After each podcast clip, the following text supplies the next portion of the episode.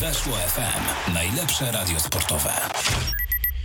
Jak co piątek na antenie Weszło FM startujemy z magazynem Lig Egzotycznych. Adam Kotleszka, dzień dobry i zapraszam na wycieczkę do Azji tym razem i to do Azji takiej powiedziałbym trochę innej niż się spodziewacie, bo dzisiaj pogadamy o Chinach, ale to nie będzie rozmowa tylko i wyłącznie o najwyższej klasie rozgrywkowej w Chinach, a nawet zdecydowanie bardziej nie będzie to rozmowa tylko o najwyższej klasie rozgrywkowej w Chinach. Dzisiaj pogadamy sobie o piłce nożnej amatorskiej w Chinach, natomiast wyjdziemy też od e, tego profesjonalnego futbolu, więc dzisiaj już bardzo insidersko, ale myślę, że zobaczycie, sami się przekonacie, że naprawdę też bardzo, bardzo ciekawie, że ta piłka nożna w Chinach skrywa mnóstwo sekretów i to nie tylko ta piłka nożna profesjonalna, bo na tych amatorskich szczeblach rozgrywkowych jest równie, równie ciekawie. Maciej Łoś, piłkarskie państwo środka, jest moim gościem. Dzień dobry, Maćku. Dzień dobry, witam wszystkich. E, Maciek, dawnośmy się nie widzieli w magazynie.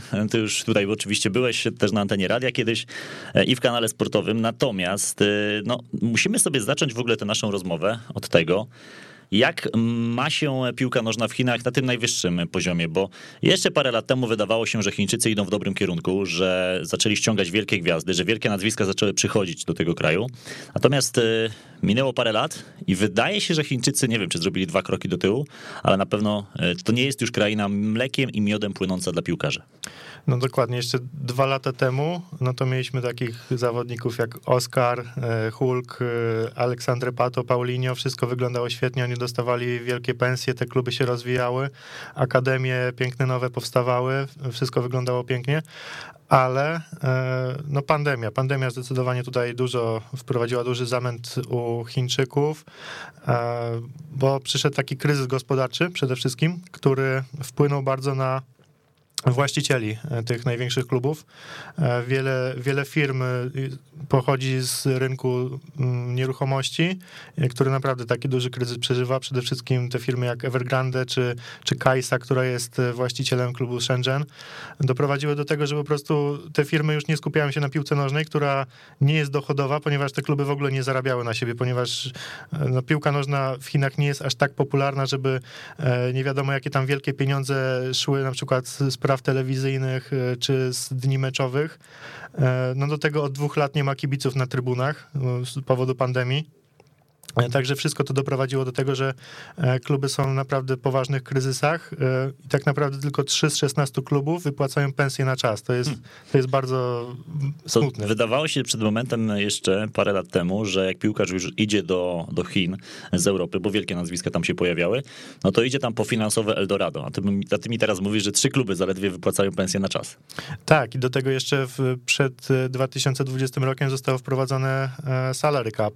Naj, najlepsi zawodnicy zagraniczni mogli zarabiać tylko 3 miliony euro od nowych kontraktów, powiedzmy. Mhm. Te kontrakty wcześniej e, podpisane były jeszcze na starych warunkach, a, a tych nowych już, e, już nie były tak, tak kolorowe, dlatego już wtedy widać było, że ci piłkarze nie chcą tak chętnie już do Chin przychodzić jak wcześniej. Mhm. 3 miliony euro to już nie są aż takie pieniądze, które by skusiły zawodnika z Europy do tego, żeby przenosić, zmieniać całe swoje życie i zmieniać otoczenie i przenosić się e, do Chin. Natomiast to też ciekawa sytuacja związana jest z ligą taka, że ta liga nie grała przez ostatnie miesiące i to wcale nie ze względu na koronawirusa. E, tak, ponieważ e, chińska federacja, e, ja nie wiem, jaki jest plan w głowie, w głowie prezesa, ale na czas gry reprezentacji Chin w eliminacjach do, do Mistrzostw Świata liga nie grała z jednej strony rozumiem to, bo rzeczywiście restrykcje w Chinach y, spowodowałyby, że chińscy reprezentanci nie mogliby grać w swoich klubach przez ten czas, ponieważ mecze, które odbywałyby się poza granicami Chin, ci zawodnicy jakby wracali do Chin, musieliby przechodzić kwarantannę około 21 dni w zależności od miast, bo to mm. też, też zależy od prowincji. No ale wyszłoby na to, że e, jadą na reprezentację, wracają do Chin, 21 dni kwarantanny i od razu zaraz są kolejne mecze kadry. Czyli znowu wyjazd. Znowu wyjazd, także no to rzeczywiście byłoby bardzo kłopotliwe, ale z drugiej strony dla 23 zawodników z kadry poświęcono całą ligę mhm. i ona przez ten czas nie grała. Kluby, które mają ogromne problemy finansowe, nie mogły grać, musiały organizować sobie jakieś obozy treningowe, jakieś, e, no, jakieś inne, inne powiedzmy, e, ten czas jakoś spędzić. Nie było dni meczowych, nie, nie było zarobków, e, także no, to była katastrofa po prostu dla lokalnego futbolu. Mhm.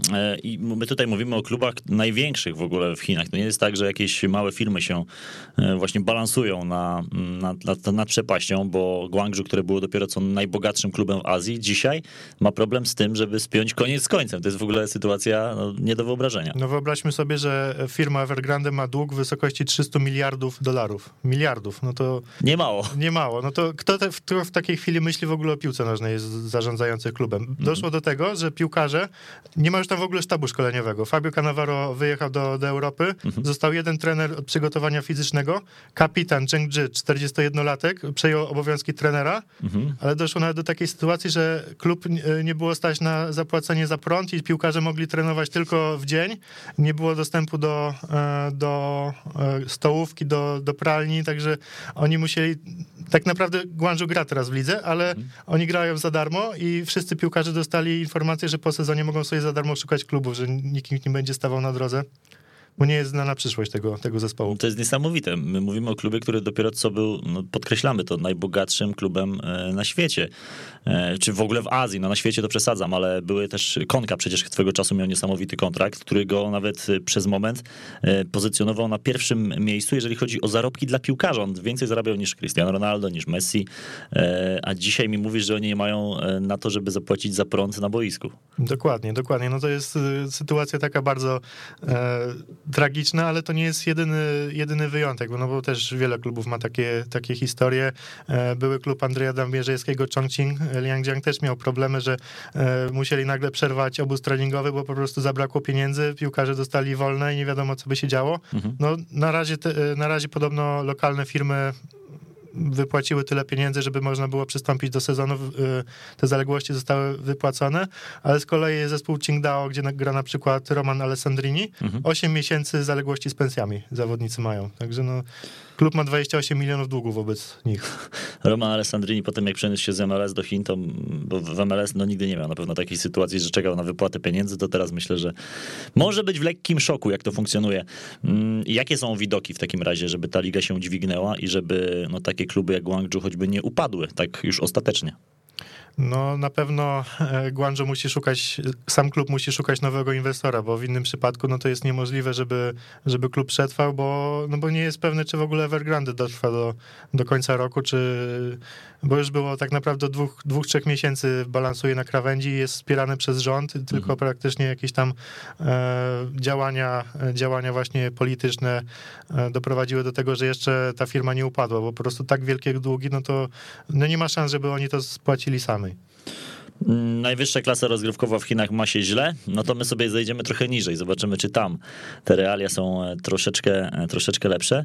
E, natomiast to jeszcze zanim, zanim to, to jeszcze dodajmy tylko jak ta liga teraz będzie wyglądała, skoro wrócili do gry po kilku miesiącach, jaki jest ten system rozgrywkowy? No pierwotnie miała liga być, grać takim normalnym trybem mecz i rewanż, czyli 30 kolejek rozegrano bodajże 12 kolejek, czy 14 kolejek e, w tej pierwszej części do, do czasu tej, e, tej przerwy.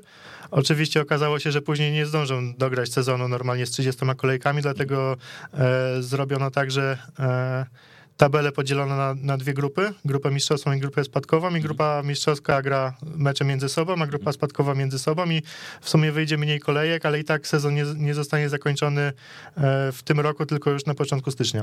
Okej, okay. musieli pokombinować trochę, widzę, polskim systemem podzielić tabelę na pół. Dobrze, że punktów jeszcze nie dzielili. Czyli kiedy poznamy mistrza Chin? Na początku, drugi tydzień stycznia będzie już znany już. Drugi tydzień stycznia. No to sytuacja kuriozalna, nie? No bo Chińczycy jednak przyzwyczajeni do tego, żeby grać systemem rocznym, że zawsze w tak, jednym roku to jest pierwszy raz w historii, kiedy nie, nie, nie dokończono sezonu w jeden rok. Zwykle ten sezon się kończył koniec listopada, początek mm. grudnia, to jest taka historia bezprecedensowa. A no to to jest rzeczywiście e, coś, coś dużego dla chińskiej piłki. A jakieś kluby już e, upadły? Już mamy pewność co do tego, że jakiś klub e, przez te, przez te zawirowania no nie będzie istniał? Jeszcze nie, ale no to jest praktycznie niemożliwe, żeby jakiś klub nie upadł, bo naprawdę te niektóre te historie są po prostu no niesamowite. Jak oni są w stanie e, wypłacić te pieniądze, to ja nie wiem, no bo takie, takie duże, duże długi, no 8 miesięcy Mhm. bez, bez wypłacania pensji i ci piłkarze mimo wszystko grają. Mhm. Oni siedzieli przez kilka miesięcy e, w Chinach, e, nie mogli się widzieć z, rodzinami, ci piłkarze z zagranicy na przykład. E, Ostatnio Muriki z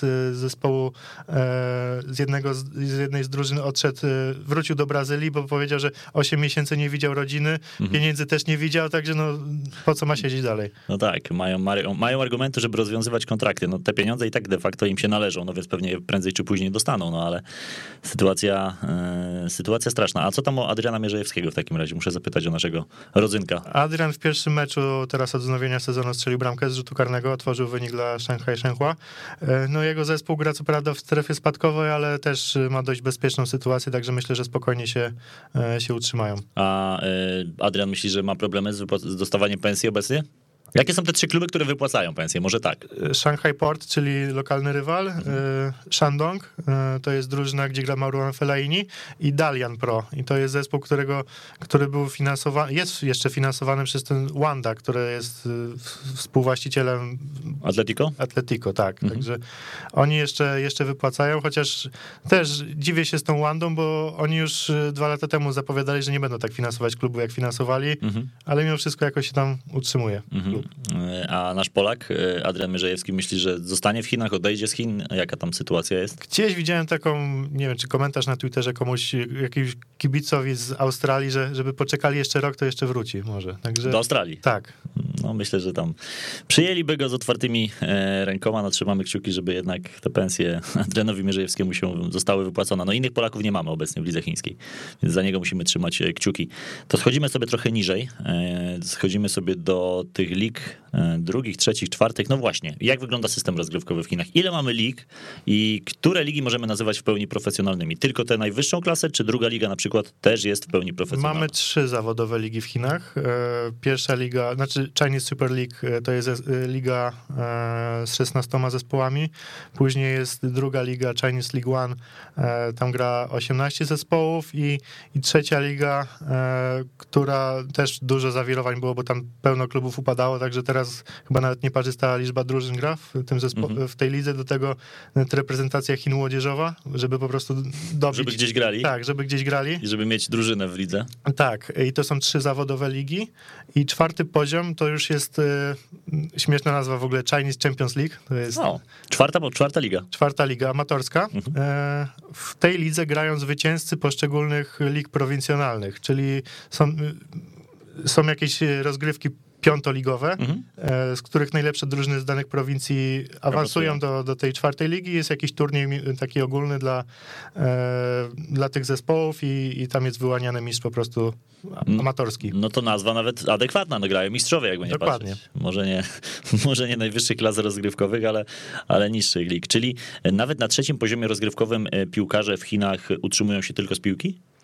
No właśnie to jest, to jest problem, bo te dysproporcje pomiędzy Chinese Super League i tymi niższymi ligami były naprawdę bardzo duże. No wiadomo, teraz z, powodu tego kryzysu to nikt nie ma pieniędzy, ale wcześniej rzeczywiście no, te kluby e, no nie, nie były jakieś, ani nie, nie były popularne w, wśród, nie wiem, młodzieży, jakoś nikt się nie interesował za bardzo piłką nożną, dopiero jakieś kluby, które e, często są takie historie, że jakiś bogaty inwestor kupuje jakiś zespół właśnie z trzeciej ligi, czy nawet z czwartej i bardzo szybko awansuje.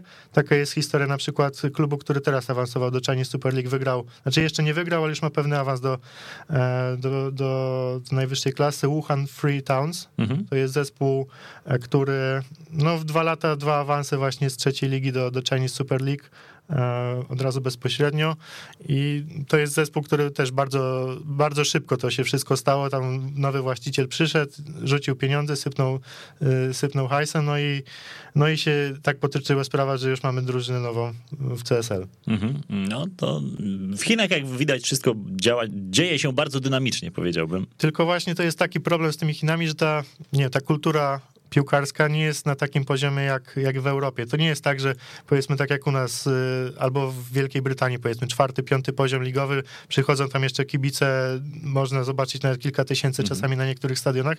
Nie, w Chinach tak nie ma, no bo tam się nikt nie interesuje za bardzo takimi lokalnymi rozgrywkami. To są naprawdę takie e, typowo, myślę, że nawet amatorskie, amatorskie granie. Owszem, jest bardzo dużo boisk w Chinach, powstają kolejne i, i lokalna, e, lokalna ludność zaczyna coraz częściej grać w piłkę, ale to jest po prostu taka czysto amatorska, a nie jakieś takie poważne granie. Mhm. E, no, powiedz mi, czy w ogóle to ściąganie gwiazd do Chin, tych wielkich nazwisk z Europy, faktycznie wpłynęło na realne zainteresowanie piłką nożną w takim dłuższym aspekcie? No bo przez moment pewnie byłbym w, na piłkę nożną w Chinach.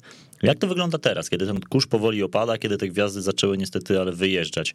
Czy dzisiaj można powiedzieć, że taki y, statystyczny Chińczyk interesuje się piłką bardziej niż 10-15 lat temu?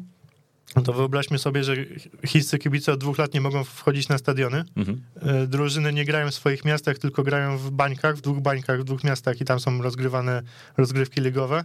Niektóre kluby e, często dochodzi do takich sytuacji, że są przychodzi nowy właściciel, kupuje klub i przynosi go do zupełnie innego miasta. Powiedzmy trzy, trzy lata pogra w tym mieście, przychodzi nowy inwestor i mhm. już jest nowe miasto. Okay. Jak można budować w takim, e, w takim systemie jakąś kulturę kibicowską? No, to jest bardzo trudne, no bo nie będzie ktoś, kto zaczyna kibicować jednemu zespołowi, nagle jechał tysiąc kilometrów, kibicować temu samemu zespołowi pod nową nazwą, e, z nowymi barwami i zupełnie... W nowym mieście przede wszystkim. Dokładnie, także no trudne, to jest naprawdę trudne. Oczywiście przyszłe gwiazdy zainteresowanie było. Przyjeżdżały zespoły z Europy na jakieś turne, e, jakieś takie towarzyskie, było tego naprawdę dużo. Premier League zawsze przyjeżdżała, Bayern, Borussia Dortmund, no to było to zainteresowanie. Od, tych, od czasu pandemii jest naprawdę bardzo ciężko z tym.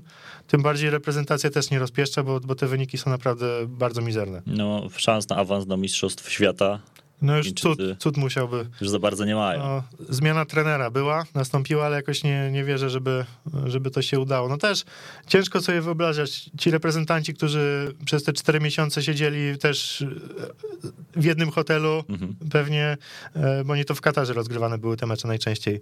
E, nie widzieli się z rodzinami, nie mieli do, e, kontaktu takiego fizycznego ze swoimi bliskimi. No też było ciężko, żeby, żeby przez, w takich warunkach osiągnąć jakby taki poziom mentalny, żeby rzeczywiście walczyć o takie najwyższe cele. Mhm. No to nic nie sprzyja generalnie teraz temu rozwojowi piłki, czyli no możemy powiedzieć, że ta rewolucja chińska no, trochę spaliła na panewce i na ten moment no, nie ma większych korzyści z tego, że, że te, takie wielkie pieniądze zostały zainwestowane w chińską ligę.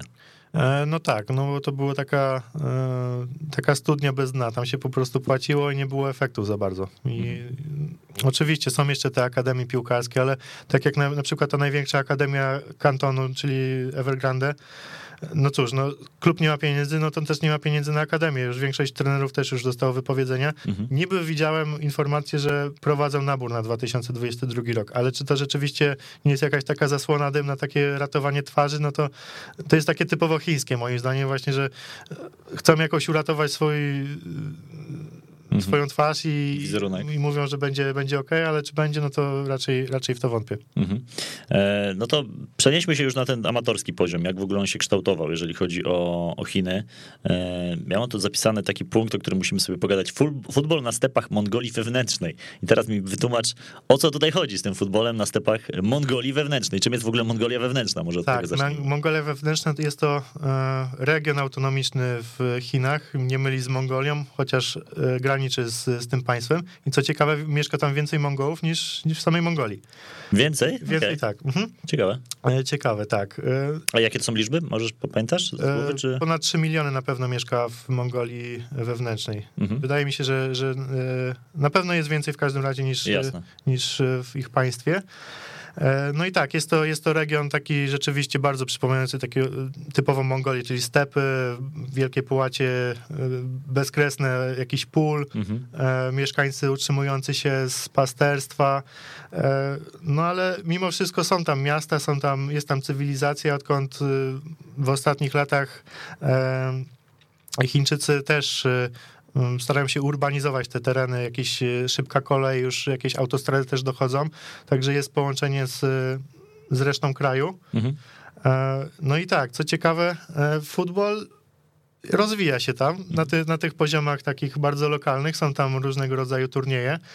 Jednym z takich miast, gdzie, gdzie, gdzie gra się w piłkę jest Hulunbur, To jest taka prefektura. Prefektura w Chinach to jest powiedzmy odpowiednik takiego polskiego województwa, ale że Chiny są ogromne, no to pod woje... nad województwami są jeszcze mhm. E, prowincje. Ale powiedzmy Hulunbur jest, jest, e, jest czymś mniejszym. No i e, ogólnie Mongolia wewnętrzna do, do zeszłego roku miała jeszcze jeden klub w drugiej lidze, ale z powodu właśnie problemów finansowych upadł. Teraz mają jeden klub w trzeciej lidze a reszta gra właśnie na tym, na tym poziomie tej e, ligi, ligi lokalnej, ligi regionalnej. Ale jest na przykład jeden taki ciekawy turniej, mm, turniej rzeki Sini. E, pierwsza edycja odbyła się w 1986 roku. E, okoliczna ludność to nie są Chińczycy, to są ludzie pochodzący z, z grupy etnicznej Ewenków lub Tungusów. Mhm. E, jest to bardzo mała grupa etniczna, 35 tysięcy ludzi mieszka i w większości zajmują się e, pasterstwem. E, no ale tak, mają klub piłkarski i, i mają właśnie ten swój turniej, który od 86 roku jest rozgrywany rokrocznie. Mhm. I jest naprawdę popularny, że e, dochodzi do tego, że kibice, jak, jeśli się spyta tam lokalnych kibiców, to oni potrafią wymienić wszystkich na przykład zwycięzców, wszystkich najlepszych strzelców z tych poszczególnych sezonów, jakieś tam mhm. niezapomniane wydarzenia. E, no i tak, w pierwszej edycji brały, brały udział dwa zespoły. Um, ufundowano nawet puchar jakiś tam lokalny, lokalny przedsiębiorca miał, miał fundować puchar, mhm. ale on nie dotarł na pierwszy mecz, na, na ten mecz finałowy, okay. dlatego y, piłkarze dostali taki symboliczny wazon. Dopiero później dostali ten, ten puchar. Jakiś wazon, który był pod ręką w siedzibie klubu. Pewnie. Dokładnie, ale teraz y, ten puchar ma, y, ten puchar Sini, Sini River Cup ma, ma swoje logo, ma swoje właśnie puchar, ma jakąś nawet hymn, także gra tam około 14-16 zespołów do roku, raz do roku. E, I też jest tam dużo takich ciekawych lokalnych historii, jak na przykład e, jest, jest jeden taki zespół, nazywa się Gacza. Mhm. Jego mm, jakby to może nie właścicielem, ale e, organizatorem tego wszystkiego jest, jest jedna z żon pasterzy, E, która, jak jest dzień meczowy, to mhm. najpierw wiadomo, tam oporządza wszystkie krowy i wszystko, wszystkie te rzeczy w gospodarstwie, później wsiada na traktor, mhm. jeździ po okolicznych polach, zbiera tych wszystkich pasterzy, którzy są członkami tej drużyny, jedzie na mecz, jeszcze zabiera ze sobą baraninę, żeby po prostu mieli co jeść na tym meczu i tam, tam gotuje. Okay. A po prostu chłopaki sobie grają i, i rozgrywają sobie mecze i, i, i, tak spędzają sobie właśnie ten, ten wolny czas, jak mają, mają te, te turnieje. Tak. A jej mąż w ogóle to jest też legenda tych turniejów. On mhm. ma nawet przydomek stepowy Maradona. E, siedem razy wygrał turniej. No teraz to już y, po 50 jest już, mhm. ale...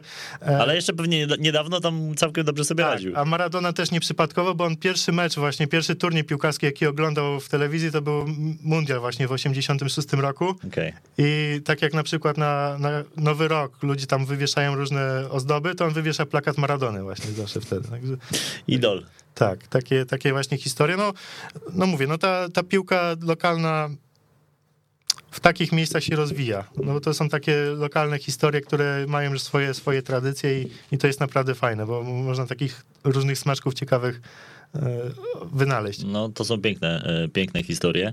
E, ten 2018 ta nagroda dla Grassroots Club w Chinach też mhm. przypadła właśnie tej drużynie. Mhm, tak, oni w ogóle mają taki herb śmieszny, mają trzy piłki i mają takie czapeczki. Te piłki mają takie czapeczki. To są czapki właśnie charakterystyczne dla tego ludu ewenków. Aha. To jest właśnie taka...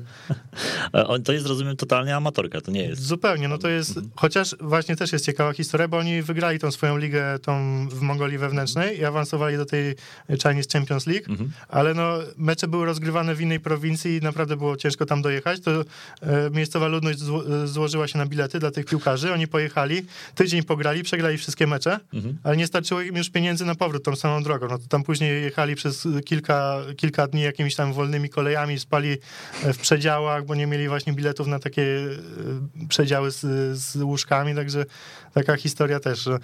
Wszyscy powiedzieli, że zrobiliby to jeszcze raz, bo pierwszy raz, kiedy grali w ogóle z drużynami z innych prowincji, że mogli, w ogóle mogli opuścić tą swoją Mongolię.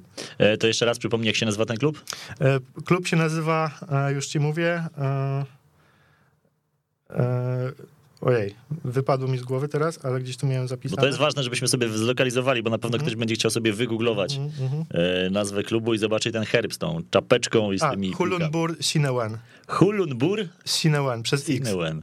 E, Jak wpiszecie Hulunbur, jakiś FC, to pewnie coś wam wyskoczy i znajdziecie Na pewno na naszej stronie też opisaliśmy tą tą historię. historię. Mhm. No to ja tym bardziej was odsyłam na e, stronę, którą Maciek e, prowadzi, między innymi piłkachiny.pl. Tak jest, taka jest główna strona, a później znajdziecie sobie już właśnie Hulunbur, Xini River Cup. To będzie historia właśnie mm, między innymi tego, tego zabawnego, ale interesującego klubu. E, Natomiast to nie są jedyne takie ciekawe historie w Chinach. Chiny są ogromnym krajem, mają też e, dużo ludzi i ta piłka amatorska ma się całkiem nieźle także w innych regionach. Tak, no teraz możemy się na przykład przenieść na zupełnie mm, odludzie. e, znaczy- Jeszcze większe niż Mongolia wewnętrzna? Znaczy odludzie może nie tak, ale klimat subarktyczny, wyobraźmy Okej. sobie, e, nad e, to jest, dzieje się rzecz nad Amurem, nad granicą właśnie z Rosją, czyli już taka, klimat taki syberyjski.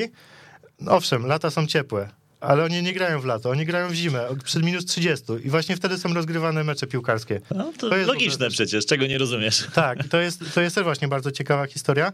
E, To się dzieje w e, takiej prefekturze Dashi Anling, to jest właśnie na granicy, e, na Amurze, praktycznie przy, przy samym Amurze, przy rzece, e, znajduje się ta, ta prefektura i tam... mm, No, to są tak naprawdę właśnie takie chińskie suwałki. No tam jest po prostu Chińskie suwałki, piękne no porównanie. dokładnie, no taki chiński biegun zimna, ale no tak jak mówię, oni tam nie czekają na lato, oni czekają na zimę i wtedy na tych y, ośnieżonych boiskach y, rozgrywają sobie turnieje piłkarskie. Też to już ma bardzo dużą, e, dużą, długą historię.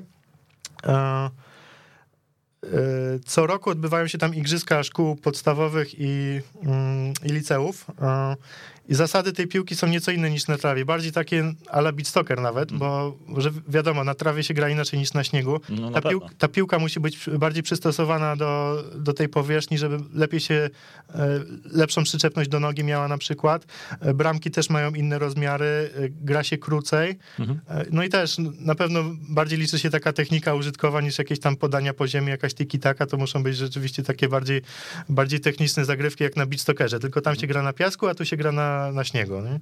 Jest taka... e, Ale co się cieszy naprawdę dużą popularnością. Pierwsze turnieje na początku wieku były rozgrywane 2021 i w sumie do dziś już ponad 8 tysięcy uczniów brało udział w tych, Wow. w tych rozgrywkach. Ale to jest, rozumiem, wszystko celowo rozgrywane zimą, kiedy jest Tak. ta pogoda Celowo, celowo. tragiczna w cudzysłowie, no bo tak Mhm. chyba to trzeba nazwać. E, Do tego doszło, że na 2008 roku zgłoszono tą mm, piłkę nożną śnieżną do e, Państwowego Urzędu Patentowego i Okej. te zasady i wszystko zgłoszono i, i jest to jakby sformalizowane, że, że właśnie to jest takie, e, taka ciekawostka niby, ale dla nich to jest bardzo ważne dla lokalnej, lokalnej społeczności, bo wiadomo, są inne sporty, ale nie zawsze czekają na tą piłkę nożną, żeby móc grać. Mhm. E, Ja wiem, że tam też był i polski wątek. Polski wątek jest bardzo ciekawy, bo właśnie e, patrząc na mapę, e, po drugiej stronie od tego miasta chińskiego jest wioska, mm, małe miasteczko w Rosji, nazywa się Aubazino. Mhm. E, Może nic, nic e, na razie nie, e, Nie mówi? nie mówi, ale w XVII wieku został tam zesłany polski, mm, polski szlachcic, Nicefor Czernichowski, został zesłany na, na Syberię. On początkowo miał, e, miał tam e, pomagać carowi, miał być jego podwładnym, ale e, jeden z wojewodów lokalnych porwał jego siostrę. No i on oczywiście wziął grupę kozaków, zbuntował się i właśnie w tym miejscu, gdzie, to, gdzie teraz jest to Aubazino, on stworzył swoje państwo, stworzył gród, Jaksa się nazywało. Mhm. I on nawet prowadził e, e, korespondencję z Pekinem, ale była to korespondencja w języku polskim. To był pierwszy raz w historii, kiedy Chiny, nawet ze strony chińskiej, pisano w języku polskim do, do tego jednego szlachcica, który sobie stworzył gdzieś tam nad rzeką swoje państewko. Okej, ale jak oni w ogóle po polsku potrafili e, jemu odpisać? No bo podejrzewam, że tam... Byli na pewno dyplomaci, byli e, misjonarze po prostu w Chinach, byli w tamtych czasach i, i na pewno na dworze chińskim działali, no bo i rzeczywiście są na to dowody, że, że to jest pierwszy taki właśnie korespondencja w języku polskim, którą prowadził Pekin. Wow, to jest świetna historia. E, Państewko oczywiście upadło tam po, po śmierci tego szlachcica Chiny, właśnie nawet w, 80, w 1689 podbiły i, i się skończyła historia, ale taki, taki smaczek ciekawy jest, właśnie jak można sobie czasem po mapach Google znaleźć jakieś takie, Mhm. takie smaczki. A Ubazino cały czas istnieje, tak? Tylko już teraz jakby w granicach chińskich. E, Rosyjskich, bo to jest Aha, właśnie po drugiej stronie. Okej, cały czas. Graniczy dobrze. jakby rzeką z, tą chińską. Rozumiem. Nad Amurem. Mhm. E, historia znakomita. E, odsyłam was na piłkach inny.pl, żeby sobie troszeczkę zgłębić e, tę historię. Mm, ten futbol na śniegu, tam minus 30 stopni i ja widzę tutaj nawet zdjęcia tych zawodników, jak oni wyglądają.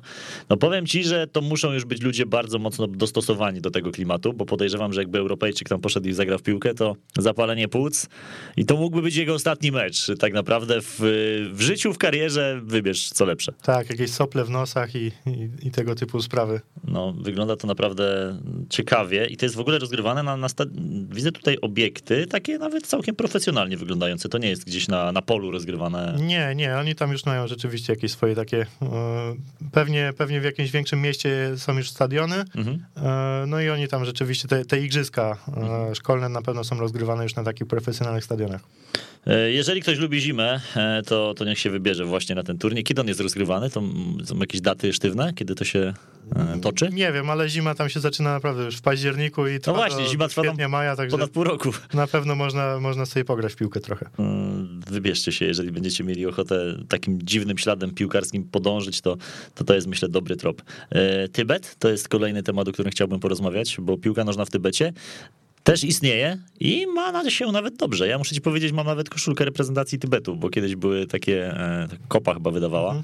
E, i to jest jedna z moich ulubionych koszulek piłkarskich, więc tam się coś z, tym, z tą piłką musi dziać rzeczywiście, to nie jest przypadek. No i można pomyśleć, że historia tej piłki nożnej to sięga, nie wiem, 20-30 lat, nie, a to tak naprawdę już na początku XX wieku, bo oczywiście Brytyjczycy mieli tam już swoje bazy wojskowe i e, a gdzie Brytyjczycy, tam i futbol, także lokalna ludność tybetańska mogła sobie podpatrywać już, y, już jak oni grali. E, Zaczęły powstawać jakieś lokalne kluby. Kiedy w Lasie, czyli w stolicy Tybetu, powstały pierwsze, e, pierwsze bazy też brytyjskie w drugiej dekadzie XX wieku, tam te, też już powstały kluby i, i były rozgrywane jakaś tam ligi amatorskie.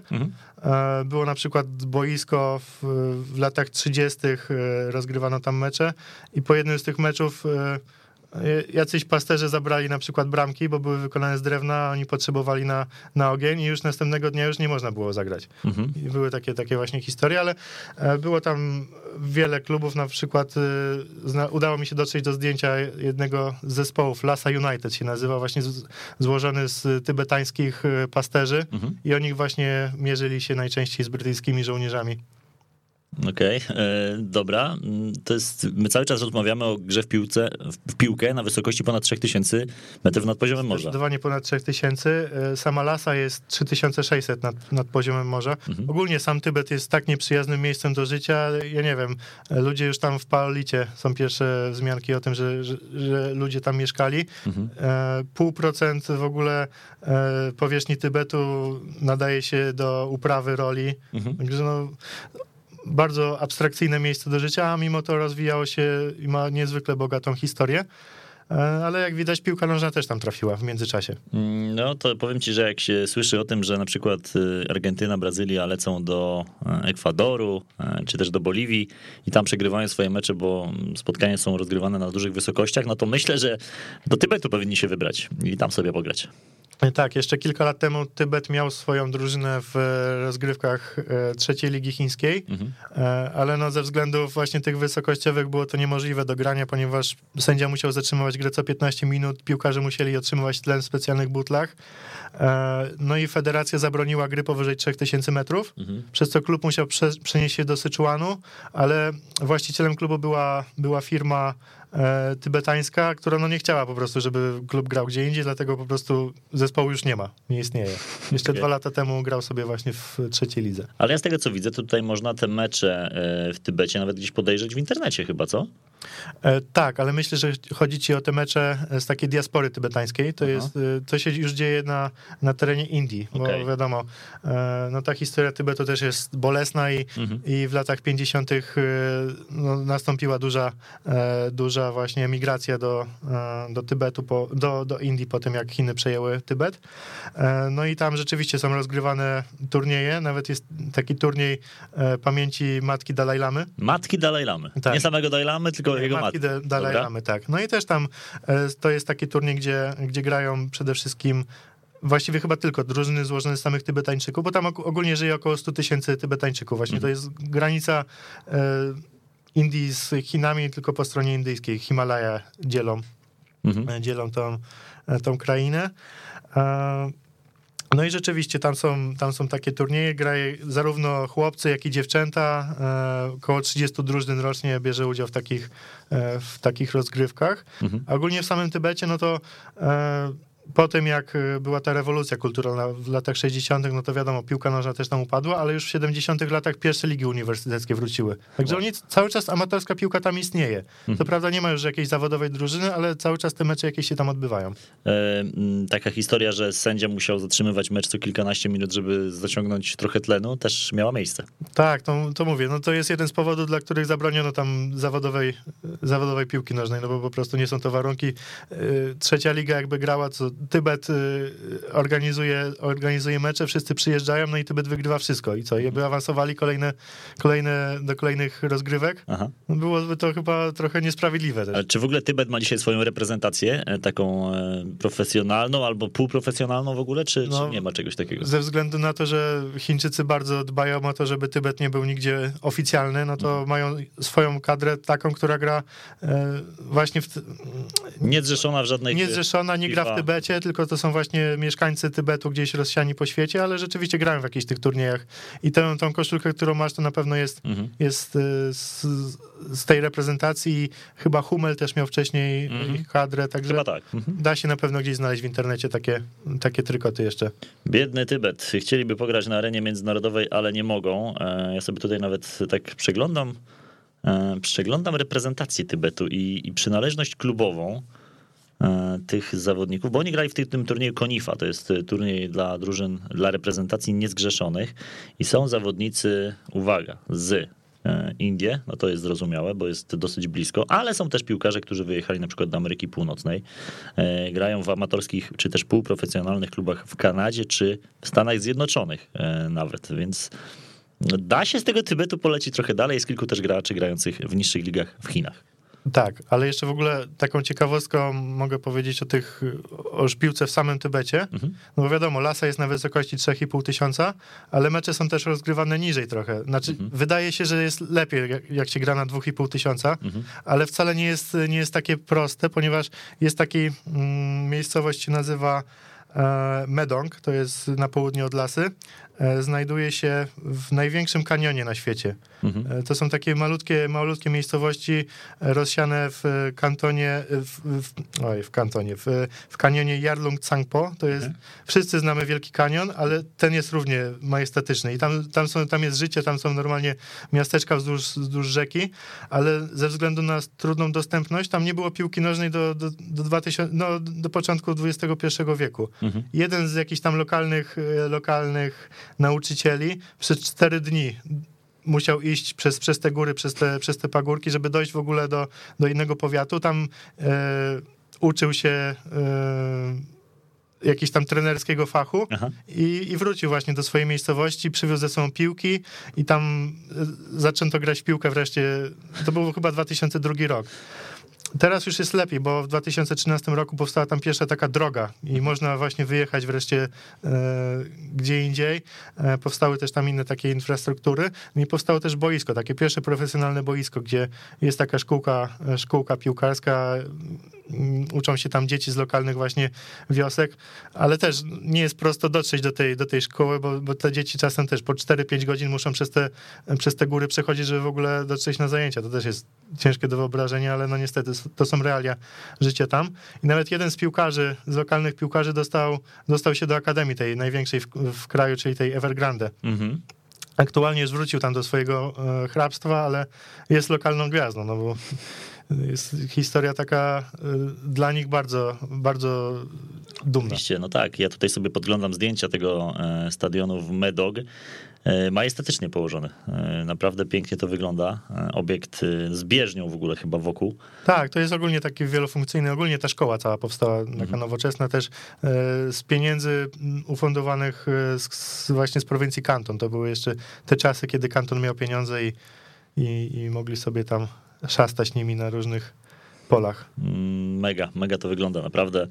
E, no, łapiemy się za głowę, że w takich miejscach też się gra w piłkę, natomiast no, ja już dzięki temu magazynowi wiem, że wszędzie się gra w piłkę. Nie mam miejsc na świecie, gdzie się w piłkę po prostu nie gra. Po prostu jest różnica w poziomie, e, infrastrukturze, ale zapał do tego, żeby grać w piłkę jest e, właściwie wszędzie. Także w Lushui w prowincji Yunnan.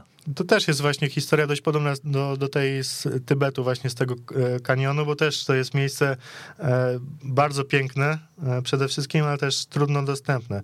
Ogólnie to jest przy samej granicy z Mianmą. To też jest taki mm, wzdłuż, wzdłuż rzeki jest taka, jest taka dolina i tam są takie też małe miejscowości, też bardzo trudno dostępne. W sumie 2% powierzchni nadaje się w ogóle, znaczy jest powiedzmy płaska, mhm. a wszystko, wszystko inne to są, to są wzgórza i, i góry, które są naprawdę, dochodzą do 7 tysięcy metrów, także to też są 7 tysięcy metrów? Dokładnie, także to jest, to jest ciężkie, ciężkie miejsce. Niedaleko jest na przykład miejscowość Puer, znana z herbaty. Ta herbata puer właśnie pochodzi z tego, tego, z tego regionu. regionu. tak. Sam Yunnan jest powiedzmy stolicą chińskiej herbaty. Mhm. E, no ale tak, tam też piłka nożna dotarła bardzo późno, no bo ze względu na, na trudny dostęp, tam też nie grają Chińczycy, to nie, to nie są Chińczycy Hanowie tacy mhm.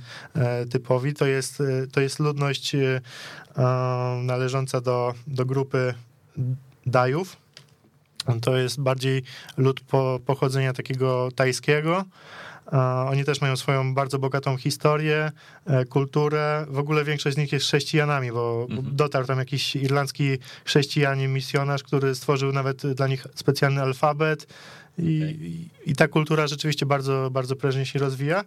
I oni też tam mają swoje, swoje właśnie e, lokalne rozgrywki. Mm, niedawno powstało, powstało też pierwsze takie boisko, boisko wielofunkcyjne. Tak jak mówię, bardzo ciężko co, cokolwiek tam zbudować, ale no, e, przyszły właśnie pieniądze z jednego z klubów e, z kantonu. Co prawda ten klub już nie istnieje, ale pozostawił po sobie boisko w Lushui. E, ostatnio nawet odwiedził je były już selekcjoner reprezentacji Chin e, Li Tie i tam rozegrał sobie mecz właśnie z lokalnymi chłopcami. Bardzo oczywiście cieszyło się to wielką popularnością w, w regionie, no bo to ktoś taki przyjeżdża tam pewnie raz na tysiąc lat. No to jest w ogóle region ciekawy o tyle, że przecież to już nie jest taki srogi klimat, to jest bliżej Oceanu Indyjskiego, więc ta średnia temperatura też dużo wyższa. Tak, zdecydowanie. No to są, to są już takie tropikalne warunki, e, ale no mówię, to też nie jest bardzo łatwe miejsce do życia ze względu na te ukształtowanie terenu. Mhm. Na tą górzystość, tak, i na to, mhm. no ale to wygląda też pięknie na zdjęciach i już wydaje się, że tam jest zdecydowanie łatwiej coś zbudować niż na wzgórzach Tybetu, no, mhm. to, to nie ulega wątpliwości. Ale na pewno też y, są inne problemy, takie jak y, e, trener, który, który tam e, te dzieci uczy, on twierdzi, że największym problemem dla nich jest niedożywienie, mhm. że dopóki oni nie będą jedli trzech posiłków dziennie, no to oni się nie będą rozwijać normalnie, nie będą mogli rywalizować. Jakby chcieli gdzieś, gdzieś indziej grać, e, no to będzie im ciężko po prostu nadrobić te, te braki. To, to są dopiero, my tutaj się zastanawiamy o boisku, my tutaj mówimy o, jakimś, o jakichś turniejach międzynarodowych, a, a tutaj nawet trzeba dbać i najpierw pomyśleć o tym, żeby zadbać takie totalne podstawy. No i w tym miejscu w ogóle stworzyć możliwość do rozwoju takiego fizycznego jako takiego, a co dopiero mówić o rozwoju takim sportowym. Więc no, problemy tego trzeciego świata są też bardzo, bardzo liczne. Jeszcze coś o tym temacie masz do dodania? Nie, myślę, że, że możemy przejść dalej. W sumie też niedaleko. Mhm. No to proszę bardzo, czyli co? E, Shaolin Soccer? Te, Shaolin klimaty? Soccer. To jest po prostu historia, którą jak czytałem, to aż, aż nie mogłem uwierzyć, że to, jest, że to jest, jest możliwe, ale myślę, że e, sam film jest dość popularny i Aha. ludzie kojarzą tych mnichów e, w tych pomarańczowych szatach, którzy tak. tam ze specjalnymi zdolnościami kung fu wygrywali te, te turnieje. No co prawda ta drużyna, o której będziemy mówić, tych umiejętności być może nie ma, ale rozgrywa mecz w tych swoich tradycyjnych pomarańczowych szatach. E, chodzi o, o, o zespół mnichów z miejscowości Xishuangbanna. Mhm. To jest też e, w prowincji Yunnan, też niedaleko e, granicy z Mianmą. To też nie są, nie są tacy Chińczycy Hanowie, to są ludzie z, z innej grupy etnicznej, która najczęściej w zdecydowanej większości są to buddyści, dlatego ten buddyzm jest tam, jest tam mm, wszechobecny, jest pełno klasztorów. E, chłopcy trafiają tam mm, tak naprawdę do tych szkół przyklasztornych, e, pobierają nauki przez kilka lat i w większości opuszczają mury klasztoru, nie zostając mnichami, mhm. ale jednak dzięki temu jest to takie tradycyjne podejście. Przez wiele lat e, analfabetyzm był tam praktycznie nie było. W innych częściach Chin było to dużym problemem, a dzięki właśnie tej, tej działalności mniejszej w, w, w Xishuangbanna nie było, nie było problemu właśnie z wiedzą, z edukacją i z analfabetyzmem. E, no ale właśnie, tam też, tam też dotarła piłka nożna, e, jest tam e, między innymi właśnie drużyna złożona z mnichów z jednego z klasztorów jeden z chińskich e, dziennikarzy dotarł właśnie do, do, tej, do tego klasztoru w 2006 roku e, podczas Mistrzostw Świata. Mhm. E, no i właśnie relacjonował, że mnisi siedzieli właśnie w głównej sali w klasztorze, oglądali mecz i oglądali mecz Niemcy-Polska. Niemcy-Polska? Niemcy-Polska. I właśnie... A to z, z którego roku? 2006, to było na... Mistrzostwa Świata. Mhm, tak, okay. dokładnie. I większość z nich kibicowało Polakom, właśnie nikt tam nie, za bardzo Niemców nie lubił. Aha. I ogólnie większość kibicowała Brazylii, ale e, jeden, jeden właśnie z głównych bohaterów tego reportażu, jeden z mnichów, powiedział, że on kibicuje Anglikom, bo Brazylijczycy to za bardzo, e, za bardzo się tam chwalą tymi umiejętnościami, w reklamach grają, a Anglicy to tak trochę, trochę e, skromniej, ale mimo wszystko on na boisku zawsze, zawsze chciał być jak David Beckham. On na treningach, treningach tam ćwiczył jak rzuty wolne, jakieś tam długie dogrania. E, opad tego klasztoru e, był jakby selekcjonerem reprezentacji, bo tam z 10 klasztorów wybierał drużynę 23 mnichów e, i oni reprezentowali właśnie tą mniejszą społeczność w lokalnym turnieju. I oni tam też mieli sukcesy. W 2005 roku, 2006 roku wygrali ten turniej. Problemem dla nich właśnie jest to, że, że ci chłopcy często opuszczają te, te mury klasztorne i, i potem jeden na przykład z bramkarzy po opuszczeniu klasztoru przeniósł się od razu do drużyny rywala największego. Oj, to potwarz. Tak, potwarz, ale e, doszło nawet, to jest dla nich naprawdę bardzo ważne, że po zwycięstwie w, w tym turnieju opat nawet e, udzielił im dyspensy, że mogli pić, pić alkohol i jeść mięso, a na co dzień oczywiście nie mogą. No i powiedział, że w tej ważnej chwili alkohol i mięso mogą przejść przez jelita, bo a, a Buddha raduje się w ich sercach. Także... Okej, okay, wszystko da się wytłumaczyć. Dokładnie. Za pomocą piłki. Ja tutaj podglądam. I, mhm. I ze względu właśnie na to, że oni są mnichami i mają takie doktryny, y, nie mogą nosić właśnie ubrań takich codziennych, mhm. oni zawsze, zawsze noszą te pomarańczowe szaty. I na meczach też. I właśnie śmieszne jest, że, że są tam zdjęcia właśnie piłkarze grają z przeciwnych drużyn w jakichś koszulkach reprezentacji Anglii, jakichś tam tak. innych klubów, a oni wszyscy na pomarańczowo w tych, w tych swoich szatach. To prawda. Z ogolonymi głowami jeszcze. Podglądam to, jak to wygląda y, i oni grają też często, y, tutaj widzę jakiś na boso mecz, ale widzę, że jakiś też jest turniej, gdzie mają buty, więc chyba pozwala im się zakładać Możliwe, korki. że na tych najważniejszych turniejach, no to Budda pozwala. Budda pozwala zakładać korki, bo tak to na co dzień do treningów raczej tych korków nie pozwala i przez jelita alkohol ani mięso nie przechodzą. Nie. To powiem ci, że. A masz jakąś informację, czy któryś z tych zawodników, nie wiem, został profesjonalnym piłkarzem albo doszedł do jakiegoś poziomu takiego półprofesjonalnego choćby? Nie, ja myślę, że w ogóle nikt z, z przedstawionych tych do tej pory historii nie wszedł chyba na ten poziom mhm. wyższy. No niestety, to są takie bardzo y, historie takie insiderskie z takich wiosek, z małych miejscowości. Ja po prostu najczęściej e, przeglądam sobie mapy w Google, szukam różnych ciekawych miejsc, widzę jakieś boisko, no to mhm. szukam. Znaczy googlować? Zaczynam googlować, patrzę na nazwę miejscowości, szukam jakiejś właśnie historii związanej związanych z piłką, no i wszystko, do wszystkiego właśnie w ten sposób dotarłem jakoś. Okej, okay, no to duży szacun za coś takiego. Mm, no to są historie doprawdy interesujące. No i powiem ci, że Buddha wyrozumiały dla nich, jeżeli, jeżeli mogą i chcą grać w piłkę nożną.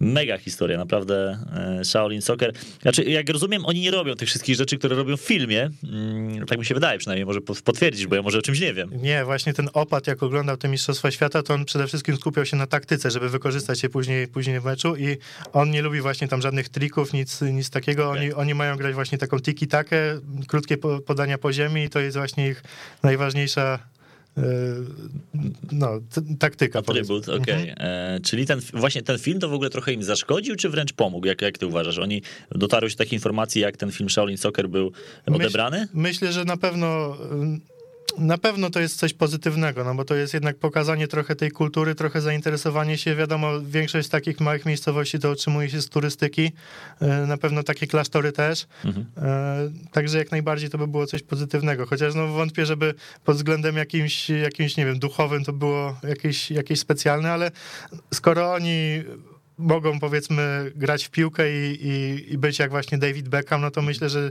że takie rzeczy mi nie przeszkadzają. E, Okej, okay. to przenieśmy się teraz na jedwabny szlak w takim razie z, z Shaolin Soccer. Tak, to też taka historia, którą, którą znalazłem właśnie przeglądając sobie te, te mapy. E, dotarłem właśnie do, mm, do turnieju piłkarskiego, do, e, który rozgrywa się w Kaszgarze. To jest jedno, jedna z miejscowości, która właśnie znajdowała się na, na tym słynnym jedwabnym szlaku. Ogólnie jedwabny szlak to był najważniejszy e, lądowe połączenie między Europą i e, Bliskim Wschodem i Dalekim Wschodem. E, zaczynał się w stolicy, dawnej stolicy Chin, w Xi'an, teraz Xi'an, wcześniej to był Chang'an. Przechodził na przykład przez miasto Dunhuang, to jest też mhm. ciekawa historia. Dla wszystkich, którzy kupują fejkowe koszulki z DH Gate, to jest właśnie ciekawa historia, bo DH to jest właśnie skrót, od, skrót tego miasta, Dunhuang. Okay. I właśnie założyciel tej strony internetowej, tego, tego portalu, e, właśnie chciał, żeby to było takie miejsce, gdzie, gdzie wszyscy kupują, e, że to jest takie miejsce, gdzie e, jakby taka osa, oaza na tym jedwabnym szlaku i, i tam stamtąd te towary wszystkie w świat płyną dalej. Także to jest taka historyjka, a jak się nazywa ta strona, o której mówisz? Dehagate. I tam są rzeczywiście dobre fejkury, tak? O, można... To zdecydowanie tak. AliExpress i Dehagate to są takie chyba Aha najbardziej znane. E, no, ale jakby ktoś chciał za niewielką cenę, to, to zachęcamy Chińczyków wspierać, ewidentnie można. E, no i tak, i, i przenosząc się kawałek dalej właśnie e, jest miasto Kashgar, to już jest teren Xinjiangu, czyli regionu autonomicznego, gdzie mieszkają Ujgurzy. Mm, właśnie ta historia taka bardzo problematyczna, ale mimo wszystko tam lokalna ludność też ma możliwość gry w piłkę. Ogólnie też mają jeden klub na, na poziomie zawodowym. Pantery, e, Pantery z Tienshan się nazywają. Mhm. Aktualnie, no co prawda mają bardzo słaby sezon, ale, ale mam nadzieję, że się utrzymają przynajmniej w trzeciej lidze w przyszłym sezonie. W każdym razie e, Chińczycy mm, Chiny i Europa w ostatnim czasie e, budują mm, tak jakby nowy jedwabny szlak, to się nazywa mm, ojej, jak to się nazywało? No w każdym razie nowy, nowy jedwabny szlak, y, powiedzmy.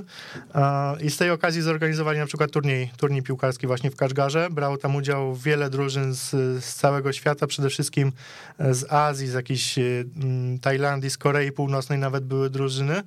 I e, turniej w e, w rozgrywkach młodzieżowych dla lat 12 wygrała właśnie, właśnie drużyna z Kaszgaru.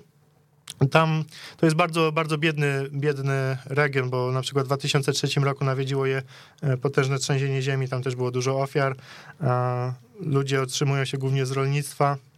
E, też jest właśnie duże niedożywienie i, i problemy, e, problemy właśnie takie naprawdę poważne, ale mimo to jeden też z klubów e, drugoligowych chińskich ufundował tam boisko, mhm. stworzono akademię piłkarską, zatrudniono właśnie takich profesjonalnych trenerów i ci, ci młodzi chłopcy Ujgurzy mogą się tam rozwijać i i grać. Być może, być może kiedyś rzeczywiście oni będą mieli szansę zagrać w reprezentacji, bo coraz więcej Ujgurów trafia do tych młodzieżowych reprezentacji Chin. Mhm. Jest to trochę kwestia polityczna, bo, e, bo Chińczycy też tam ostatnio bardzo inwestują w piłkę nożną w, w Xinjiangu ze względu na to, że w ten sposób mogą tą ludność e, asymilować bardziej i, e, i tą sinizować, jakby to powiedzieć. Mhm. Mm, no ale w każdym razie jest to efekt tego, że, że tych piłkarzy jest coraz więcej i, i, ta piłka się tam w tym regionie rozwija bardzo prężnie teraz. A czemu właśnie takie kluby drugoligowe, powiedzmy, w ogóle chcą fundować e, sprzęt albo boiska? To jest jakieś zagranie PR-owe, czy to jest e, trochę znaczy, Myślę, innego? że e, tutaj jest głównie inicjatywa lokalnych, właśnie a to jakichś nauczycieli, a to kogoś, kto ma jakieś kontakty gdzieś i większość tych historii właśnie z tych Lushui, czy właśnie tutaj z Kaszgaru, to było historie, że lokalne władze, lokalni nauczyciele zwrócili się o pomoc kogoś tam mieli znajomego, powiedzmy, na przykład gdzieś tam w tym klubie i oni bez problemu właśnie pomagali, fundowali te boiska i nawet tak jak w tym Lushway już tej, tego klubu e, Guangdong Southern Tigers już nie ma, ale boisko zostało. Boisko zostało i zostało jeszcze całe mnóstwo tych bardzo ciekawych historii, które związane są z Chinami. Za tę część programu dziękuję Maćkowi bardzo mocno i myślę, że zachęciłem was do tego, żebyście weszli na piłkachiny.pl. E, Zawsze w tym magazynie takie inicjatywy trzeba wspierać w ogóle Maciek i, i, i, i, I Kamil. I Kamil. Ja zawsze zapominam imienia Kamila, nie wiem czemu, a Kamila już tyle razy widziałem. Kamil, mam nadzieję, że mi to wybaczy. Robią mega, mega robotę. Piłkachiny.pl. Tam was odsyłam. Maćku, dziękuję za tę część Dziękuję bardzo. i odsyłamy was na piłkachiny.pl. Kolejny magazyn Lig Egzotycznych za tydzień. Sprawdzajcie wszystkie na weszło.fm w zakładce magazyn Lig Egzotycznych. Weszło FM. Najlepsze radio sportowe.